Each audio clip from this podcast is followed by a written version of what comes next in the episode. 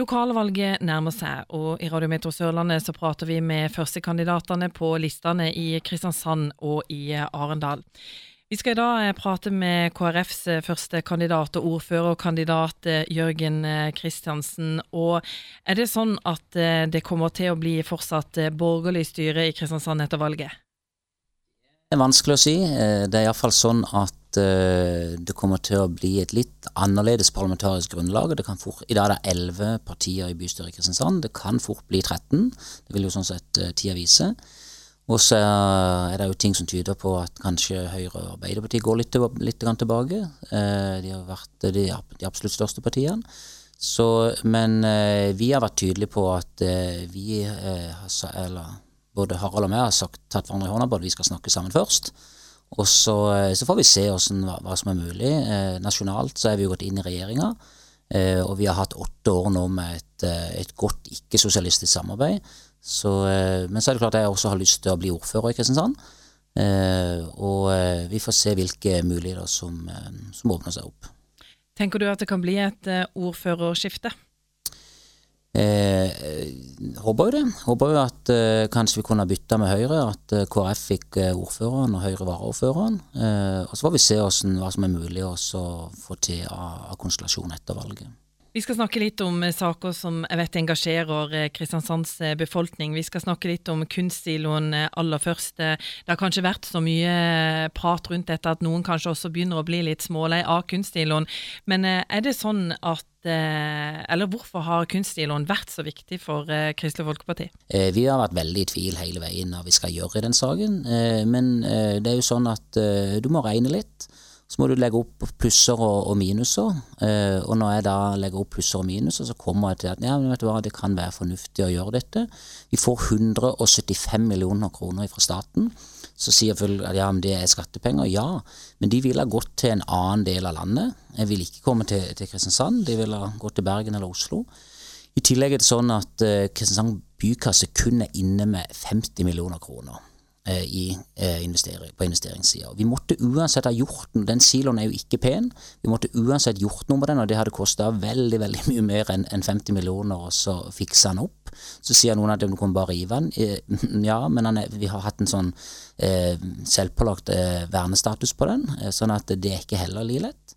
Og så er det sånn at Når jeg sitter på mitt kontor i hvert fall, og kikker utover byen, hver gang jeg ser en heisekran, så blir jeg glad. For det betyr at uh, det er noen her i denne byen som bygger noe, som har jobb, som har til, får til, til smør på maten og, og salt i grauten. Uh, så her er det veldig, veldig mange i en lokal entreprenør som kommer til å få jobb.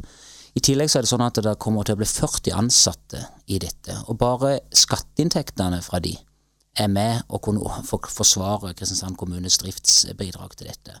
Og så tror jeg det blir spennende med den restauranten på toppen, og jeg tror også at det kan være mange som kommer til å reise til Kristiansand for å se på dette. Så må jeg være ærlig at jeg kan ingenting om kunst, eh, og er ikke spesielt glad i kunst.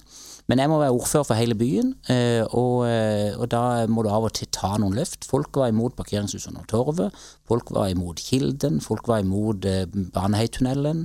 Det har vært sånne prosjekter hele tida. Men så ser vi sånn som sist for fire år siden med dette parkeringshuset under Torvet. Ja, så ble det jo ganske greit allikevel til slutt. Litt det samme tror jeg kommer til å skje her. Nå er alle vedtak fatta, det blir bygd, vi får masse masse penger fra staten. Eh, og så spør folk ja, men hvis det skulle bli noen overskridelser. Ja, men da tenker jeg at da skal ikke kommunen inn med noe mer, da får de heller nedbemanne hvis en, hvis en kommer i en sånn situasjon. Vi skal også innom eh, bompenger, Jørgen Kristiansen. Er det sånn at vi i Kristiansand må belage oss på at vi kommer til å må betale mer i bompenger framover? Eh, nå ble det heldigvis sånn at eh, den bypakka, eller miljø, bymiljøpakka som, som var forespeila, den er blitt utsatt. Og det er bra. Og så ser vi jo den motstand som har vært i Stavanger og Bergen. Den gjør at vi nå får en mulighet til å gå en ny runde på dette. og Det er jeg glad for. Eh, så derfor så blir det ikke nå til våren sånn som planlagt. Da var det planlagt en 50% økning i bompengene. Den er avlyst. Så det betyr at fra og med våren så blir det akkurat som i dag. Det er ikke noe endring. Eh, det, og det skjer i mai. Eh, det som er endringa, er at eh, nå må også elbiler betale 50% Altså ikke 100 av, av takstene, men, men, halvparten av takstene. Så da må også elbiler nå begynne å bidra litt. Og det syns jeg Jeg har tvilt meg fram til at jeg tror det kan være klokt nå. At nå har vi hatt så gode fordeler i så mange år at, at elbilene òg bidrar med halvparten. Da er det frem, en differensiering fremdeles, eh, men jeg tror det kan være fornuftig. Så, så på spørsmålet om vi får høye bompenger, så er jeg i hvert fall glad for å kunne si at eh, de neste årene så blir det ikke økning i bompengene. Hva det vil skje i framtida når vi endelig får en ny bypakke, hva staten vil sette i krav, hvem som styrer landet om to år til. Hvis det blir ei sosialistisk regjering, så vet vi at de setter mye høyere krav til mer bompenger. Eh, så det er klart, da kan vi bli tvungen av staten til å gjøre det. Eh, men så lenge vi har den regjeringa vi har nå, og så lenge vi styrer, så håper jeg at vi skal unngå for mye økning. Og når vi snakker om eh, ting som koster for befolkninga, dette med eiendomsskatt. Vi skal jo også bli altså denne kommunesammenslåinga. Hvordan vil det bli i Kristiansand? Da må vi ta sikte på at også eiendomsskatten vil øke? Nei. Eh, jeg håper virkelig at vi skal fortsette å få eiendomsskatten ned. Nå har vi styrt eh, Kristiansand, eh, siste, jeg har vært med å lede denne byen de siste åtte årene. og Da har vi klart i Kristiansand å få ned eiendomsskatten fra 6,3 promille til 5,7. Og det er en 500-600 kroner for en, en, en, vanlig bolig, så det har folk merka. Så er det sånn at å fjerne eiendomsskatten på ett år, det er ikke, det er ikke mulig. Eh, det er 270 millioner kroner som vi tar inn i, gamle Kristiansand, og det er ca. 5% av det totale budsjettet vårt, så, det er ikke mulig. Eh, og ingen kommer til å merke noe endring før 1.1.2021, eller fra, før første kvartal 2021. Eh, og så er det jo sånn at Staten nå sier at du kan ikke lenger ha maks 7 promille, du skal ned på 5 promille fra 2020. Og så sier staten eller regjeringa videre at fra 1.1.2021 så skal det ned i 4 promille. Så det betyr at eh, enden på visa det skal foretas en omtaksering som begynner nå i høst. Eh, og Sånn at du får samkjørt Uansett så må du ha en samkjøring av Søgne, Sogndal og Kristiansand på et eller annet vis. Og eh, Kristiansands innbygger håper og tror jeg skal ikke merke noe, få noe særlig endring. Eh, og eh, Søgne vil nok få en liten økning, og Sogndalen kanskje en liten nedgang for, for, for, å harmonisere det. Men det er altså først om to og et halvt år til. Så eh, Nei, om, om halvannet år til. Eh, I, i første, eller det blir ja, litt over nesten to år blir det til. Eh, og så må vi da kontinuerlig jobbe for å redusere eiendomsskatten. For eh, vårt mål, og så lenge vi har vært i den ikke-sosialistiske, så er det helt åpenbart at vi ønsker å, å redusere eiendomsskatten og fortsette den jobben som vi er allerede begynt på. Og vi har fått den da ned fra 6,3 til 5,7, og så, vi, så, skal den uansett maks være, være 4 promille om, om eh, om halvannet to år til. Vei og kollektiv, det er også viktige saker. Hvor står KrF der? Vei, kollektiv eller ja takk, begge deler? Nei, ja takk, begge deler. Vi er, vi er, nødt til å ha gode veier. og Vi ser Gartnerløkka i dag, som er en flaskehals. Vi er nødt til å gjøre noe med den. og Vi ønsker både Gartnerløkka og vi ønsker Ydre Ringvei. Eh, så ønsker vi også en, eh, en, god eh, kollektivtrafikk. Og vi har også vært med, og det har alle partier på Stortinget signert på, at veksten skal tas på gang, sykkel og kollektiv. Det alle, det står i NTP-en, og det har alle, faktisk alle partiene på Stortinget signert på. Men så er det jo sånn at jeg er kommunepolitiker. Det er fylket som har ansvar for kollektivtrafikken. Så, så er vi riktignok med litt i noe som heter AKT eh, som er et selskap som, der vi med, har styrerepresentant. Eh, men i veldig veldig stor grad så er det fylket som har ansvar for, for, for, kollektivtrafikken. Men vi ønsker et godt kollektivtilbud, og da handler det om eh, frekvens, altså at vi har nok eh, at han går ofte. Det handler om regularitet, som er at han er på tida. Og det handler om å lage parkeringsplasser ved, ved endene og altså i forbindelse med rutene, at det går an å parkere greit. Og så handler det også litt om pris. Jeg har jo lenge jobba for eh, gratisbuss. Det har jeg ikke klart å få i havn. Det er mange i mitt eget parti som syns det er en dårlig idé, og det må jeg bare leve med. Men eh, det hadde vært spennende f.eks. ved ombygging av Gartnerløkka.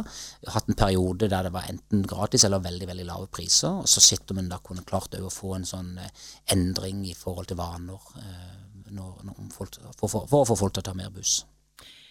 Ved valget nå, hvis du skal velge ut én hjertesak til Kristelig Folkeparti i Kristiansand, eh, hva vil du ha valgt da? Min store hjertesak, det er familiepolitikk.